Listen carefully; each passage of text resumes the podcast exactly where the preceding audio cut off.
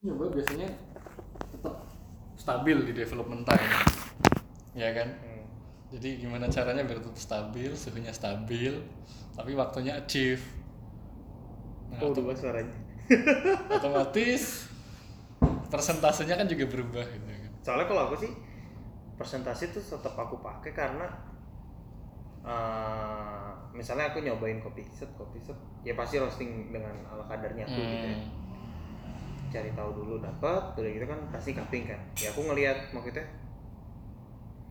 eh, si kopi ini dia punya bukan optimum ya apa rasanya tuh enaknya di mana Hmm. apa di sweet Hmm. atau di acidicnya atau bodinya gitu nah, aku kegunaan persen develop semuanya tuh percentage tuh kan persen bukan cuma percentage develop kan itu Iya. ada ya percentage drying Hmm. percentage Mylandnya ya. Nah kalau aku sih masih pemikiranku ya kayak misalnya drying tuh dia bakalan menentukan apa, Mylar akan menentukan apa, developer menentukan apa. Iya. Biasanya kalau misalnya kopinya emang enak banget di di acidic gitu misalnya, aku biasanya di drying aku cepetin. oke Nah di Mylar aku lambatin untuk dapat sweetness gitu. oke Terus kalau misalnya kopinya ternyata, oh ini aslinya nggak enak gitu, aku lambatin di drying. Jadi dryingnya lebih lambat lagi.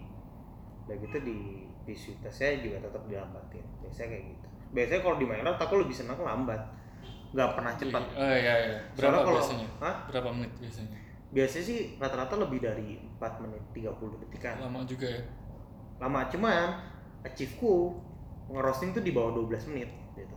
Hmm. Nah, itu sih permainan permainan percentage yang akhirnya aku belajar itu dari situ. Misalnya dari biasanya dulu tuh waktu awal-awal belajarnya dari misalnya aku pengen 12 menit 30 detik gitu. 12 menit 30 detik tuh aku jadikan sebagai detik semua gitu. Hmm. Nah, berarti 12 menit dikali 12 dikali 60 berapa? Jadi berapa ribu gitu. Nah, itu aku bagi percentage. Oke. Ah, Jadi misalnya. bisa tahu kita oh targetku nih drying harus selesai di 5 menit misalnya. Hmm, Terus mayatnya aku harus selesai ini di 4 menit gitu. Nah. Jadi bisa tahu begitu. Iya. Biasanya kalau espresso tuh aku mainnya gini 40 40 30 30 40 40 32 27 gitu. Hmm. Misalnya gitu, misalnya jadi developmentnya 27 persen, ininya 40 persen, ininya sekian persen gitu. Nah, aku biasanya mainnya gitu kalau kalau nggak filter uh, 40 40 eh sorry, iya 40 40 20 20. atau empat uh, bisa jadi 40 40 40 40 45 15 gitu. Jadi aku bermainnya seperti itu. Nah, baru setelah itu kan untuk meng-achieve itu kan berarti untuk meng-achieve setelah ini berapa persen kan ya aku mesti achieve uh, suhu tertentu tuh Hmm. misalnya di mesinku uh,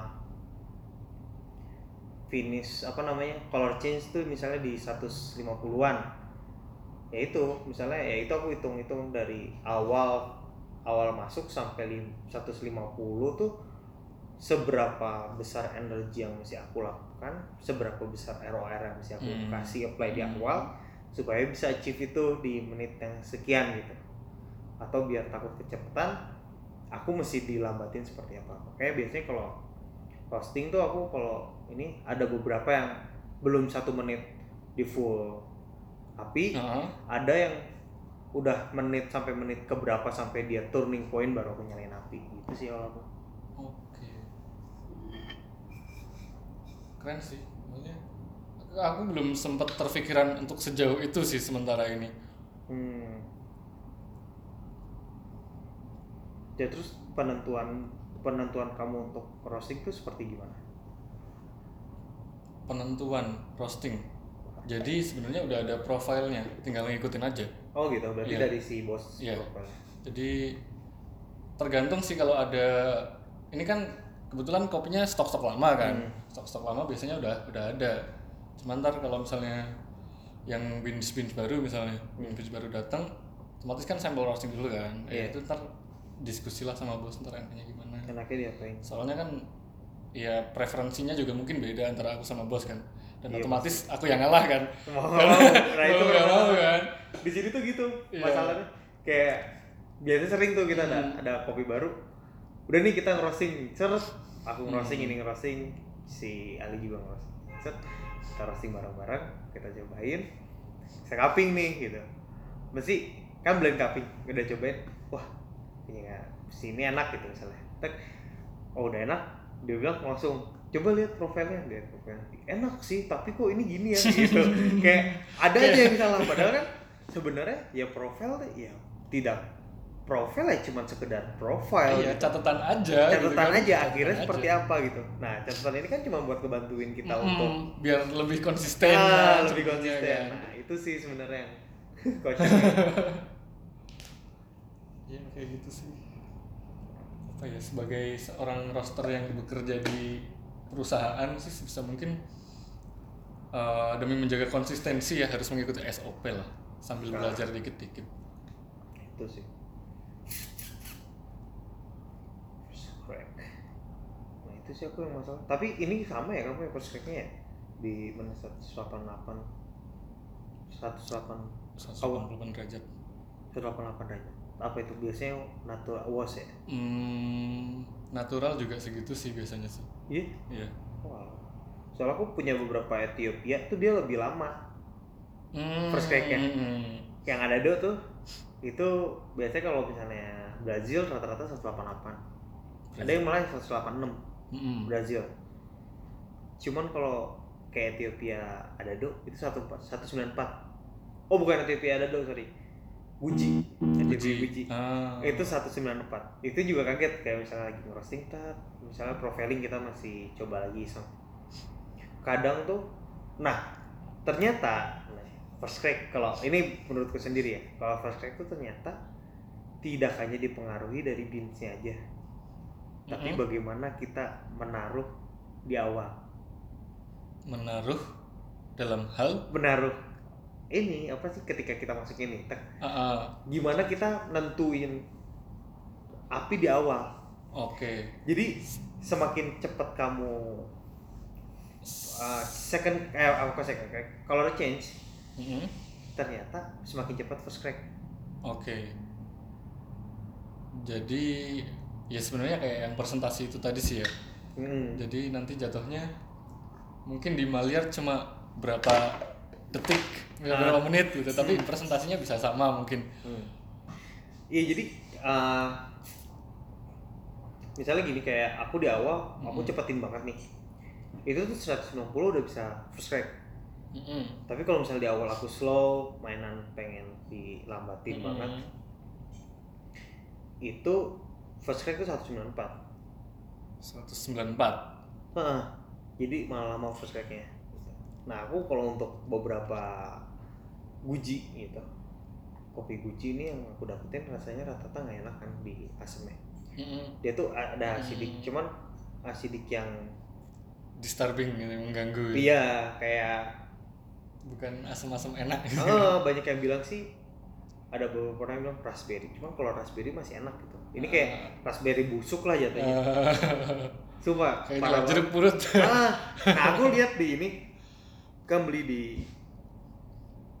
di Latore di Latore tuh disebutin gitu bahwa ini ada rasanya tuh apa sih red cherry red cherry. Ah black cherry apa red cherry gitu? Black Mm-mm. cherry apa red cherry? Nah, terus beberapa nanya juga orang katanya emang red cherry itu eh, ya cherry cherry itu tuh rasanya kecut parah gitu. Iya kan? Cuman pas Kecut ket- parah. Nah, kecutnya aneh gitu. Nah ternyata baru ini aku baru ngerasa oh ternyata emang developnya nggak benar. Gitu. Oke. nah itu nah terus dapat lagi satu lagi ternyata development roasting Mm-mm. tidak after first crack Tapi kan selama ini kita Iya. berpikir start developing tuh after first crack ah. ternyata develop itu itu dari awal sampai akhir dari awal kita masukin beans sampai selesai. eh sorry dari awal bukan dari awal masukin bin dari awal color change sampai kita selesai kalau menurutku seperti itu. Hmm. karena beberapa hal dulu tuh pernah ngedapetin mungkin kalau di aku baca yang di Scott Rowe tuh jatuhnya kopinya apa sih? Bukan dulu ya. Back jadi di awal tuh aku cepetin mas semuanya. Berat nah habis first crack tuh langsung jatuh drop. Ah ya ya ya ya. Ya, jadi intinya pengennya ini kopinya natural. Aku pengen full. First aku pengen intinya pengen like roast tapi slow develop. Hmm. Nah, kan susah nih ngedapetin like roast yang like banget Nah, tapi, tapi developnya lebih dari lama, 2 ya. menit gitu. 2 menit, 3, 20 menit, 30 menit. Nah, aku coba itu. Itu sih akhirnya rasanya eh, tetap rasanya kayak nggak ada ras kayak kayak nggak ada Hmm. kopi rasa kopi gitu. Kayak kayak ya kosong aja rasanya hambar gitu lah hambar Heeh. jadi ya itu dan kalau kopi ternyata terlalu lama juga di roasting kan juga hambar kan? Ya. hambar. Terlalu cepet juga hambar juga. Hambar juga. Bangsat memang Iya, jadi harus ya sih solusinya adalah kita trial and error sih. Iya kaping kaping kaping itu sih. Terus kalau bisa nih kesusahannya apa mas? Aku pengen sih pak pinjam pakai aku belum tahu ya karena aku belum pernah compare dengan mesin lain gitu. Sebelumnya pakai mesin apa? Pertama kali belajar? Belajar di sini serius? Serius. Jadi di sana Jogja nggak pernah nggak pernah. Nggak pernah cuma ngeliat-liat doang. Orang roasting iya. Terus di sini tiba-tiba ngerosting? Ngerosting. Bangsat ya gue juga ya. Nggak juga sih maksud ya makanya itu mungkin eh, aku masih belum terlalu mendalami gitu loh. Hmm. jadi masih sekedar ngikutin profilnya dulu aja. Hmm. kalau cuma ngikutin profil kan gampang kan sambil merem kita juga bisa kan. Iya. Ya nggak bisa sih ntar megang ininya salah iya sih. Wah. Iya itu. Nah itu sih sebenarnya aku lebih suka kebetulan kan ya selama ini kan berarti kan aku ngerosting kan dua tempat. Hmm. dengan dua mesin yang berbeda. Dengan mesin yang lama sama dengan mesin dengan teknologi baru. Hmm. ternyata lebih enak mesin mau teknologi lama. Karena? Kerasa feelnya. Eh, kamu mainin sekarang gini kamu mainin knob misalnya ini kan nyetim gitu Iya. pakai knob tek gitu kan udah beres kan tek gitu sama misalnya ada steamer yang cuma pencet doang touchscreen gitu kan Misalnya, ya, ya, ya. bedanya di situ gitu kayak ngerasa lebih ah, feel-nya lebih dapet ya Hmm. bener-bener.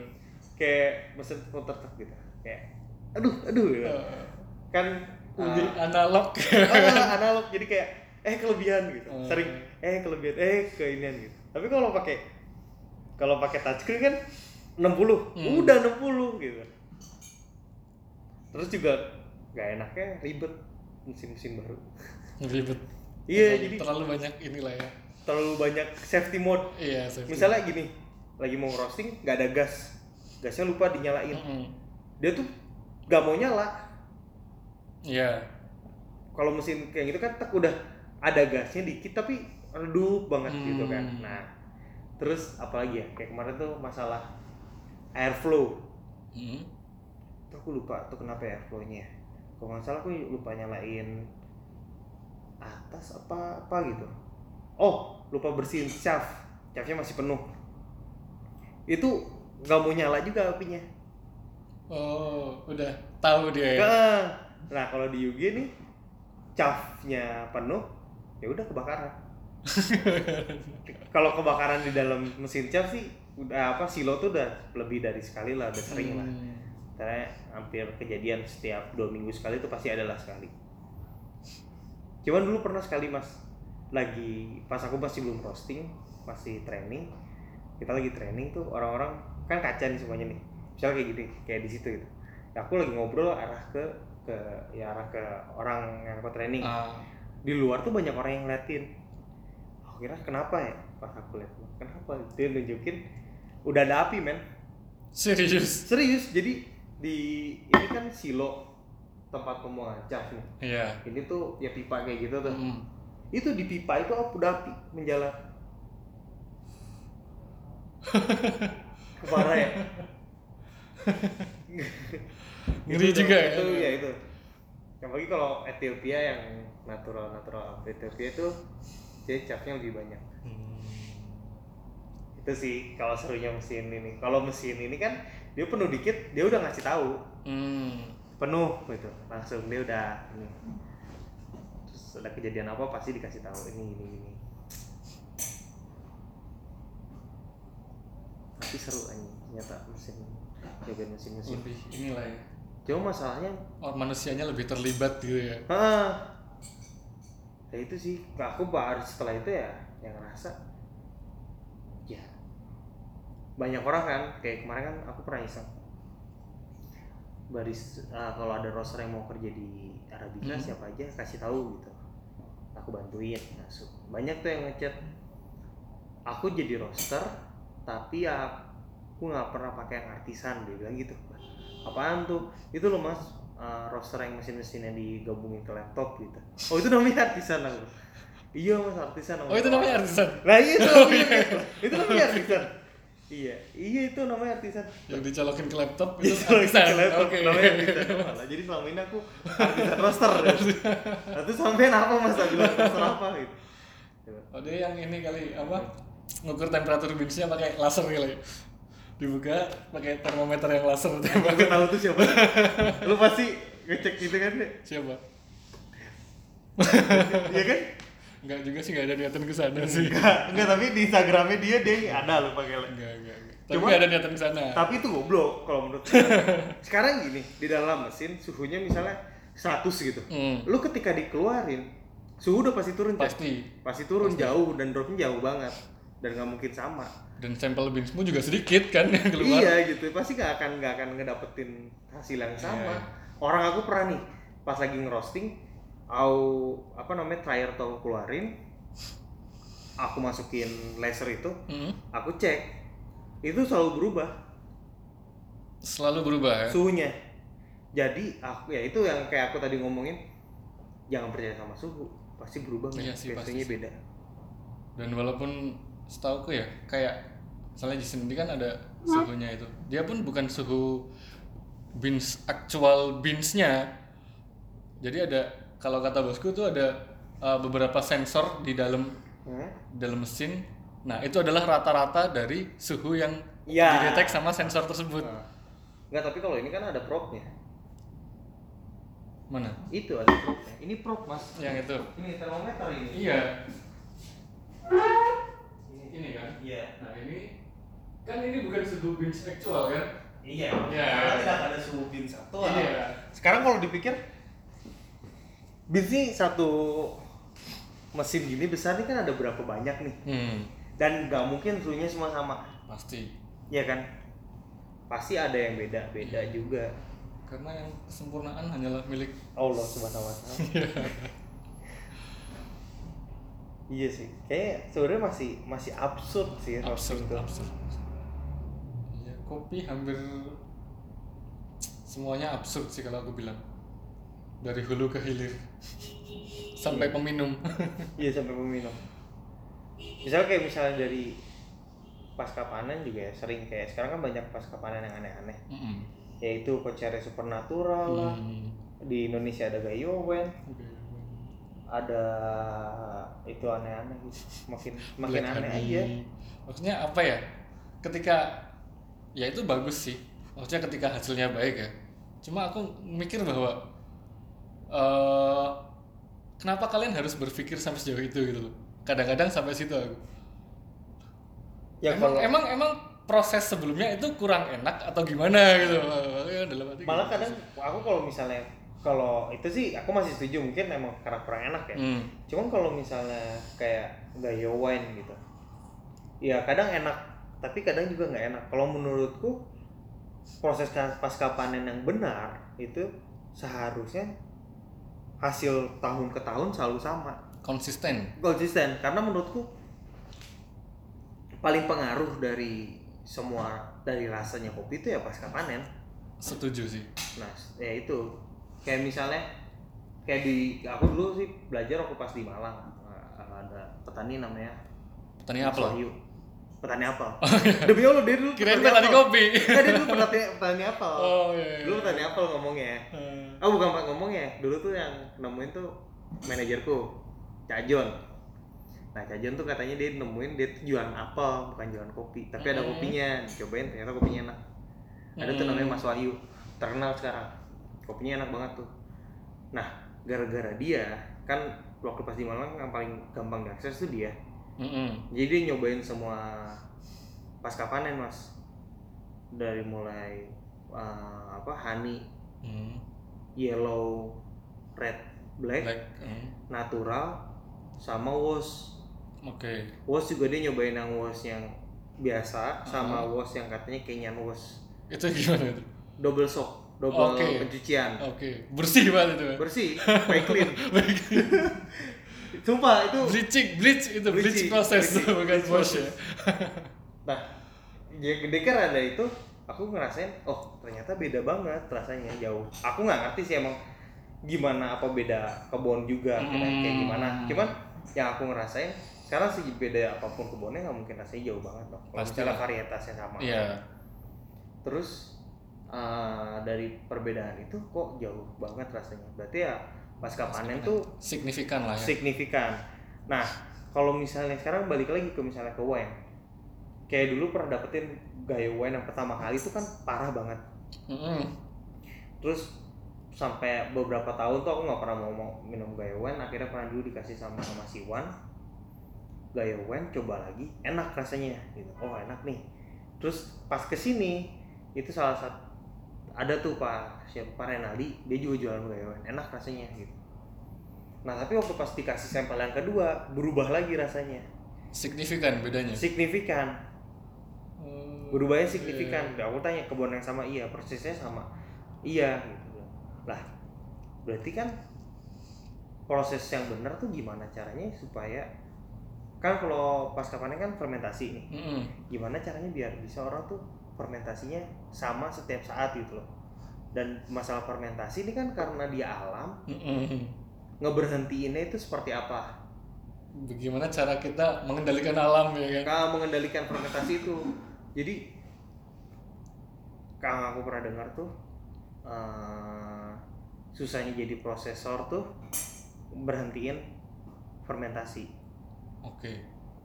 Gitu jadi fermentasi itu akan selalu berlanjut selama masih ada eh, gula itu kan Iya iya pasti. sekarang gimana caranya supaya kita matiin fermentasi itu Hmm. gitu nah itu katanya yang paling susah yang dari fermentasi Tapi metodenya udah ada. udah ada udah pasti ada Karena Pasti udah ada Nah, terbukti nah, cuman nggak semua katanya nggak semua orang bisa mas Ah. gitu. nah itu kan habis dari situ dan ferment nah pasca panen itu sangat berpengaruh terhadap roasting. Nah, cara kita roasting ya kan. nah bukan cuma cara kita roasting misalnya gini. Kira eh, kan banyak nih orang. Kalau orang tuh mikirnya ngerosting ngerosting tuh ya selalu sama gitu kan. Kopi Hmm, selalu sama mau hmm. diapain juga sama gitu. Nah ternyata tuh pasca panen tuh beda men.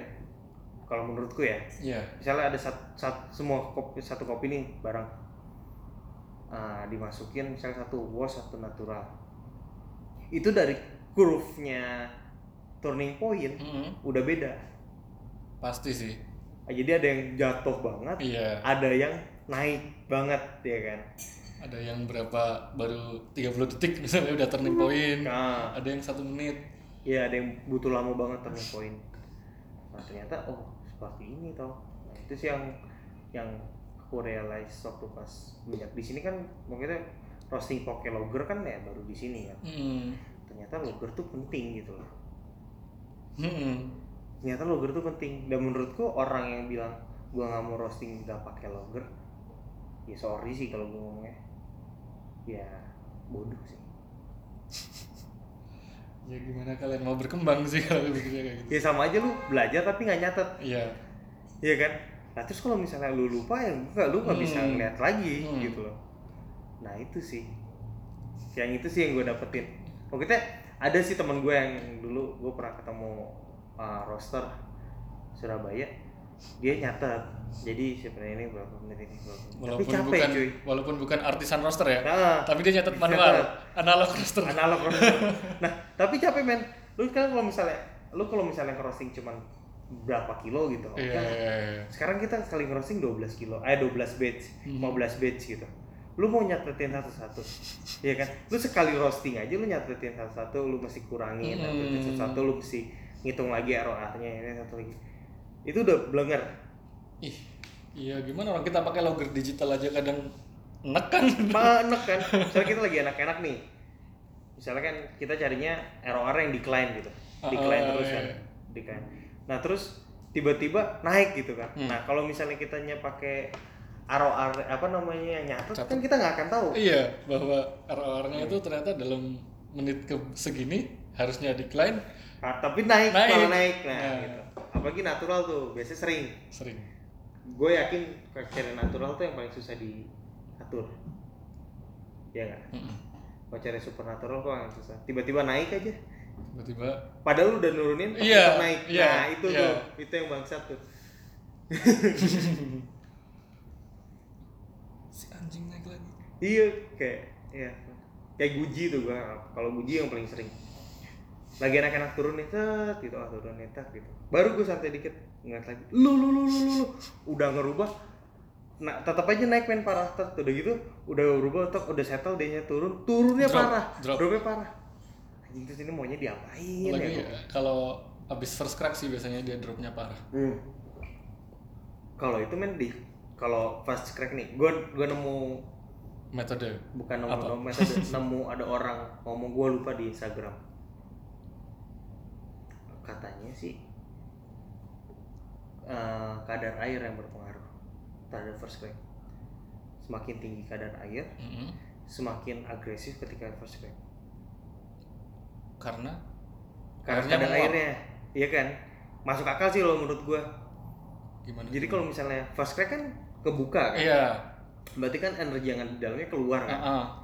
ya kan ketika itu ngebuka dan agresif agresif turun itu kan karena air di dalamnya kan dingin Oke, ya ya ya, ya kan make sense, nah kalau misalnya nggak ada air gitu terus ngebuka tiba-tiba kan jadinya hampang kan Hmm. Akhirnya jadi panas. Kalau menurut gue sih itu gue tapi gue nggak tahu ya kayak gimana. Cuman kalau gue lihat sih ya masuk akal sih beberapa kopi yang kayak basah banget tuh. Mm-mm. itu Dia udah akan- berat di awal ketika di habis first crack tuh turunnya cepet banget. Gitu sih.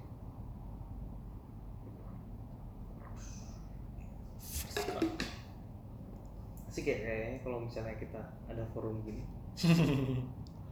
Kita bikin podcast aja, Pak.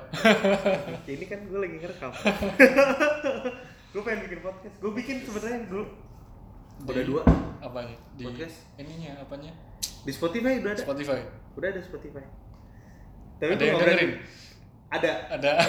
ada serius gue gue lihat di ini di apa Anchor ih ada yang denger gue malu tapi gue gak berani ngedengerin gak pernah gue dengerin suara gue cempreng kan kayak Iya. iya, iya. tuh, gua- sering deh gue Nah, ngeliat apa nah ini juga aku punya pertanyaan.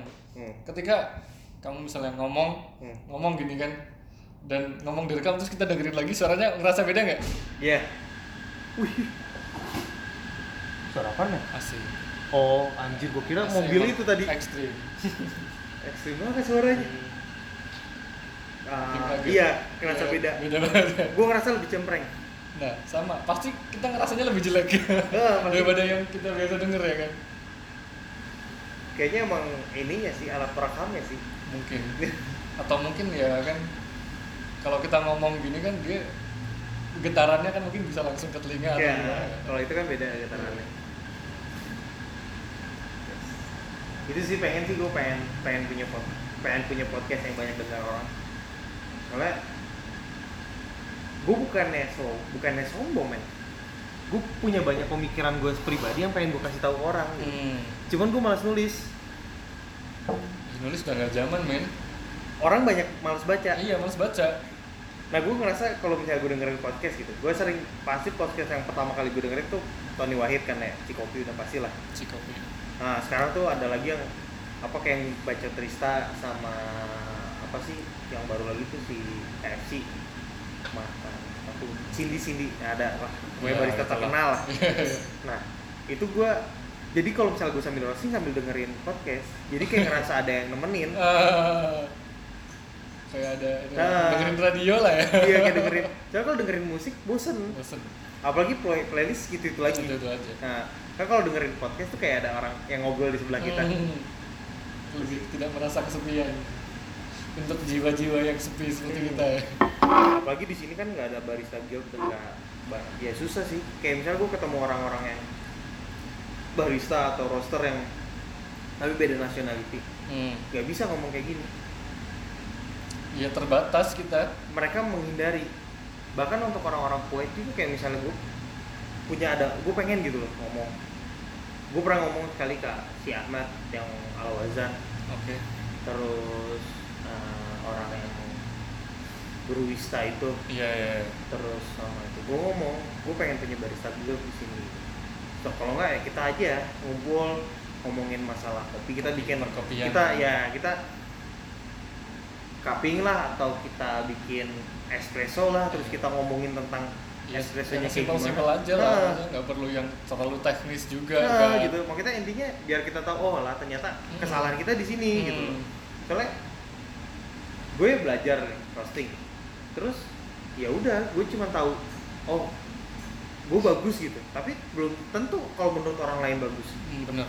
gue bisa aja ngerasa di cupping ini menurut gue di cupping ini enak gitu Kopi gue enak gitu kan. cuman kan karena gue tahu gue yang roasting Iya, Dan jadi gue yang banyak excuse ya untuk iya, gue bisa kan? mengexcuse diri gue sendiri Iya. tapi kalau misalnya gue roast nih ya, hasil roastingan gue gue kasih ke orang lain orang lain yang udah kenal gue dan Nggak kenal sama sekali nah, misalnya. di persen Arabica rata-rata sekarang karyawan gue yang training men jadi dia pasti kan mengekskuskan gue Iya, juga iya. dong Iya bahwa bahwa standarnya seorang Amir pasti enak kan. gitu pasti kan jatuhnya gitu kan bangsatnya nah sedangkan tuh kalau keluar juga masih nggak punya akses untuk seperti itu gitu dulu pernah gue sekali ke kafein Oke. bawa kopi Iya. kita cupping bareng gitu kan cuman tidak ada hasil akhir cuman oh gue suka yang ini oh gue suka yang ini udah gitu gue Nggak ada menemukan solusi ya. nah gue merasakan lu kenapa sih suka yang ini gitu loh oh ini sweetnessnya apa gitu acidicnya kayak gini gitu loh gue sukanya karena ini Gue gitu. suka nggak yang ini nih, ini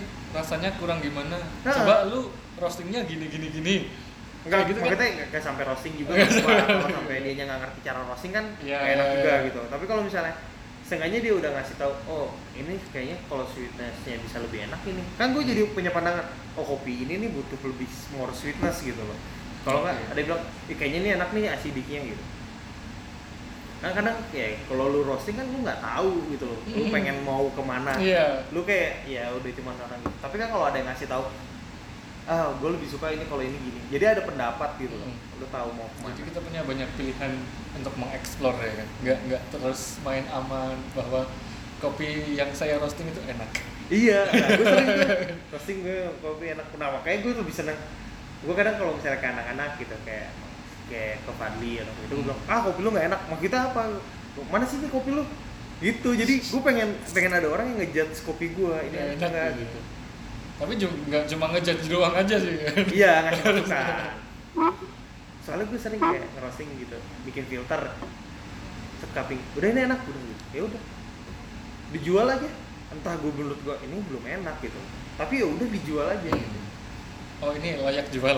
Nggak, nggak, nggak yang coba. Uff, gitu kan. Harusnya diapain gitu. Seru sih. Ayo mas kita ini mas bikin. Apa?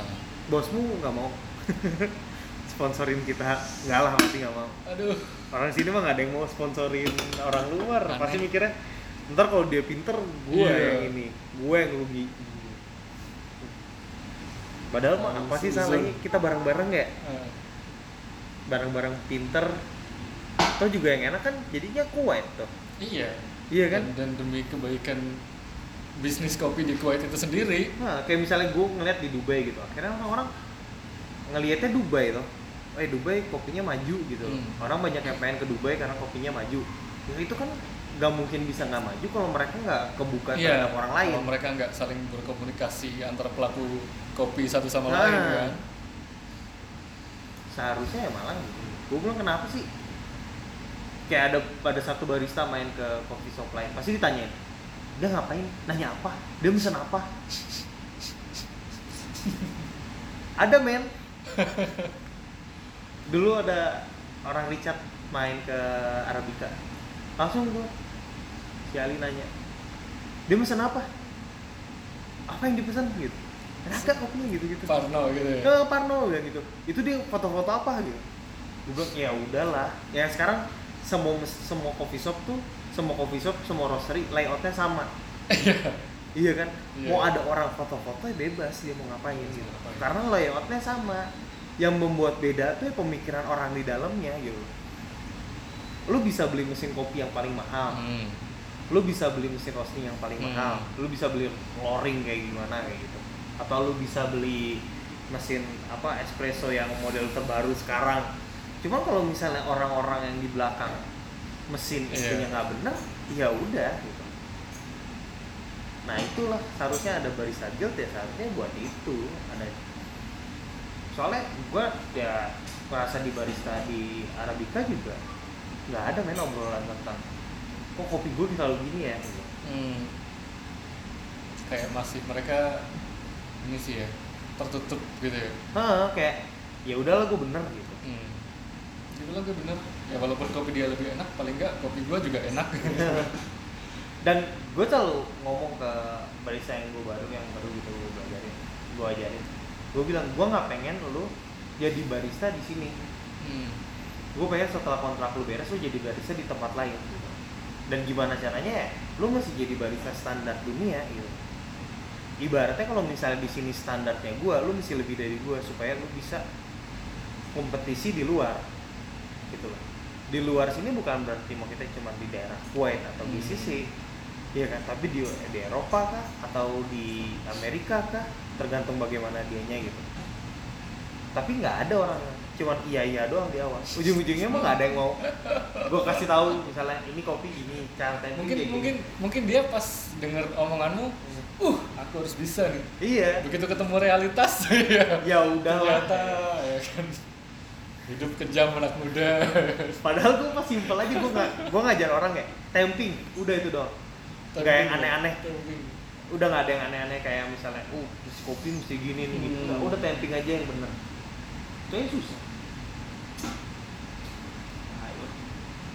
kadang mereka apa ya ya aku nggak memungkiri bahwa aku dulu juga kayak gitu gitu kita terlalu muluk-muluk untuk memikirkan hal yang terlalu teknis gitu nggak sih menurutmu Iya. jadi ya udah yang basic dulu aja lah makanya basic basic lu ketika udah kuat pasti ngapa-ngapain juga lebih gampang Nah, nah itu tuh gue balik lagi ke basic tuh semenjak tiga tahun terakhir gue jadi barista, eh tiga tahun terakhir ini. Hmm, Jadi setahun sebelum gue ke sini gue ngerasa oh udah gue basic aja. Ternyata setelah gue basic ya udah, gue lebih menjalani kehidupan barista lebih tenang. iya lebih Lebih kayak ya udahlah. ya, ya, ya. Dulu kan gue kayak misalnya sama sih ngelihat orang pakai mesin kopi ini gue ngerasa oh kenapa nggak pakai mesin ini? Kan bisa dimodulating lah Iya. apalah." ya, sekarang ya udah kayak malah sekarang kayak misalnya ada orang nanya gue mir gue pengen bikin coffee shop kayak gitu. Terus tanya "Ah, kayaknya mesin kopi yang enak apa? Gitu. Dia Hmm. dan nunjukin kayak Slayer, Shinesa dan lain-lain. Gue gue gue masih gue masih bilangnya kenapa nggak lamar Zoko? Yang AF yang automatic volumetric. Ah, iya kan? Ya. Kenapa nggak mesti itu kenapa mesti apa namanya Slayer dan lain-lain atau mesti apa? yang fancy kenapa mesti fancy yang yang ribet-ribet kalau misalnya yang gampang banyak Iya. Toh juga pada dasarnya itu prinsip kerjanya sama gitu. iya bersih Iya kerjanya loh. sama gitu yang penting kan lu sebanyak apa yang mesin itu bisa produksi dalam waktu sejam gitu Hmm. jadi berapapun customer yang datang dia akan mendapatkan kopi Iya. tepat waktu Iya. sekarang kalau misalnya gue ngerasain gue pakai Slayer gitu Ah, mesin kopi yang lain yang selain biasa yang rata-rata kan 25 detik untuk satu shot espresso sedangkan espresso gue butuh waktu 45 detik untuk Hmm. untuk ber Untuk itu juga ristretto bukan Iya. espresso kan nah berarti untuk ngebuat ah, satu cup gue butuh waktu satu menit sedangkan di kopi yang lain tuh 40 detik tuh gue bisa ngelakuin gitu Iya. Dan itu juga tergantung sih ketika ketika outlet sepi ya itu nggak akan terlalu berpengaruh gitu. Iya sih. Iya kan? tapi kan uh, apa namanya? Ya orang buka usaha kan bukan untuk fancy doang, Iya. untuk tapi untuk rame dong. Pasti. Ya balik lagi ini bisnis bro. Demam kita daripada lu invest mesin lu yang aneh-aneh, Ah, demi lebih baik fancy-nya itu, mending yang fungsional aja ya Iya. kan. misalnya barista lu naikin lah gajinya Iya. 10% lebih tinggi. Iya. Terus uh, misalnya mesin nih, lu beli yang 100 juta. Misalnya lu punya duit 300 juta Hmm. daripada lu beli Slayer 300 juta, mendingan lu beli linea kelas eh linea kelas ya linea klasik ya. linea klasik yang 100 juta udah gitu sisa 200 juta Lu invest lah buat hal yang Iya. lain kan. Lu cari kopinya yang lebih bagus. gitu. ya lu cari kopi yang lebih bagus atau lu sisihin 20 juta buat ngelatih barista yang Hmm. benar iya kan atau lu beli sistem sistem manajemen men Iya itu penting banget sih itu sih asli.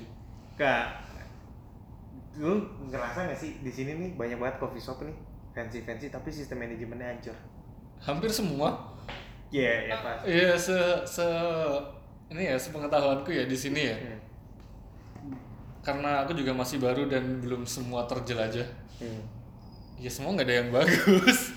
semua dikelola dengan ala kadarnya aja gitu loh. Dan orang sini tuh dia nggak ngerti tentang hierarki organisasi. Ya udah cuma sekedar dari perusahaan besar sampai kecil. Padahal kalau menurut gue usaha sekecil apa pun tuh mesti bener-bener jelas men organisasinya. Iya pasti. Jadi orang yang megang marketing ya marketing aja. Iya. megang manajer ya manajer aja gitu Me- megang keuangan ya keuangan Mm.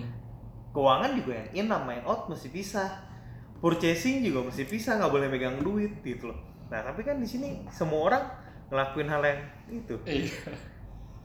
kocak kecuali barista ya wajib maksud Iya. gue barista ya harus bisa kasir bisa Dituntut bikin kopi untuk bisa bersihin outlet gitu loh. Mm. tapi Ya, kalau operasional harus menguasai semuanya lah. Nah, ya, kalau tapi kalau orang untuk back office dia nggak boleh men. Ya kalau misalnya HR gitu ya HR ya mesti ada HR, ada yang talent acquisition itu yang buat nge- nge-hire hire orang, ada lagi yang buat untuk gimana cara baristanya besar gitu loh. Itu kalau perusahaan besar kalau menurut gue sih. Hmm. Kalau perusahaan kecil seenggaknya ya manajer, orang akunting udah gitu kan. Soalnya kalau nggak gitu berantakan men. Kayak gini banyak banget coffee shop yang menurut gua dia cost controlnya juga nggak kehitung. nggak kepikiran sampai kos sih kayaknya kalau orang sini. Dia nggak pikir cost kayaknya bikin bikin coffee shop nih tek Mereka terlalu bodoh atau emang mereka terlalu banyak uang aku nggak tahu. Kak, kayak bikin dia seharusnya cost control tuh paling penting kan. Kayak udah aja baristanya mau bikin kopi sebanyak enaknya, Hmm. ya kan ngambil makanan Hmm. semaunya. Itu masa nggak dihitung men? Hmm. Dan apa ya? Aku belum belum belum tahu sih sistem kalau Arabica kan dia perusahaan gede ya. Hmm. Kalau yang selama ini aku datang coffee shop teman-teman kita kan rata-rata juga ya cuma ownernya doang, Iya, rata-rata ownernya doang. ownernya doang. Ya termasuk perusahaan ini. Dan lucunya ownernya masih tidak punya apa ya? Kayak plan ini tuh coffee shop gue mau gimana? Nah, Kayak ya udahlah buka coffee shop apa ya? iya, ya udahlah buka lah. lagi rame nih kalau bisa buka ya. Iya. Ya udahlah gitu. Tapi dia nggak ngerti. Dia cuma tahu oh kopi tuh mesti enak gitu. Hmm. Tapi dia nggak ngerti gimana manage supaya kopi ini tetap dibeli orang gitu loh. Gimana caranya Pasti. tetap kopi ini walaupun nggak kebeli kita mesti jalan gitu loh. Hmm. Nah, sampai hal situnya tuh yang nggak kepikiran men kayaknya men. Ya kayak sekarang banyak nih orang buka kayak lu deh di sini men. Mesin roasting 15 kilo, Hmm. ya kan?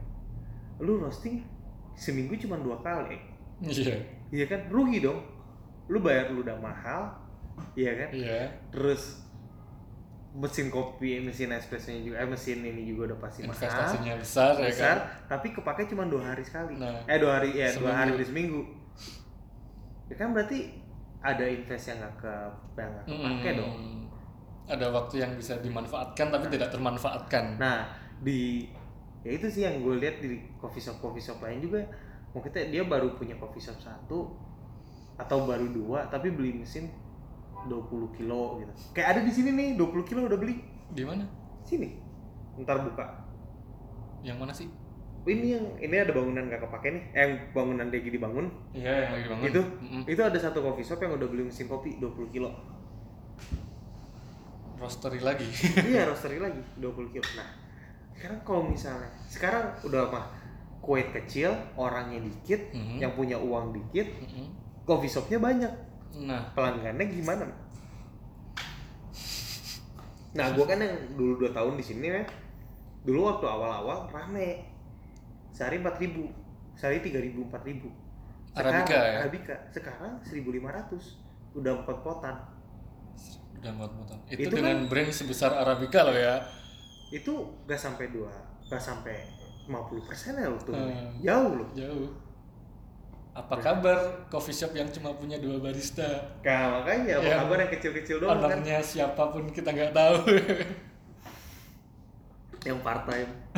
yang baristanya cuma part time. Gak bahas itu mah. Aku sering dapet chat men. Kenapa? Kan aku masang nomorku di Instagram. Ya. Banyak yang ngechat. Yang ngechat gitu. I, I get your number in Instagram. Mhm. Uh, do you want to work as part time in my coffee shop? Hmm. Kalau lu punya teman kasih tahu gua. Serius men. Nah terus kalau misalnya ya gue bisa aja ngasih semua orang ya. Cuman ya kan gua nggak tahu kalau misalnya tuh ternyata teman gue tukang nyolong Ah, nama gue jelek ya kan? Iya. kalau enggak teman gue males-malesan Iya. iya kan kalau enggak eh, yang punya usaha ternyata bangsat. Kan lu juga gak enak sama temen lu Iya. ya. kocak ya Tapi boleh nih kalau ada lowongan part time. iya ada sebelah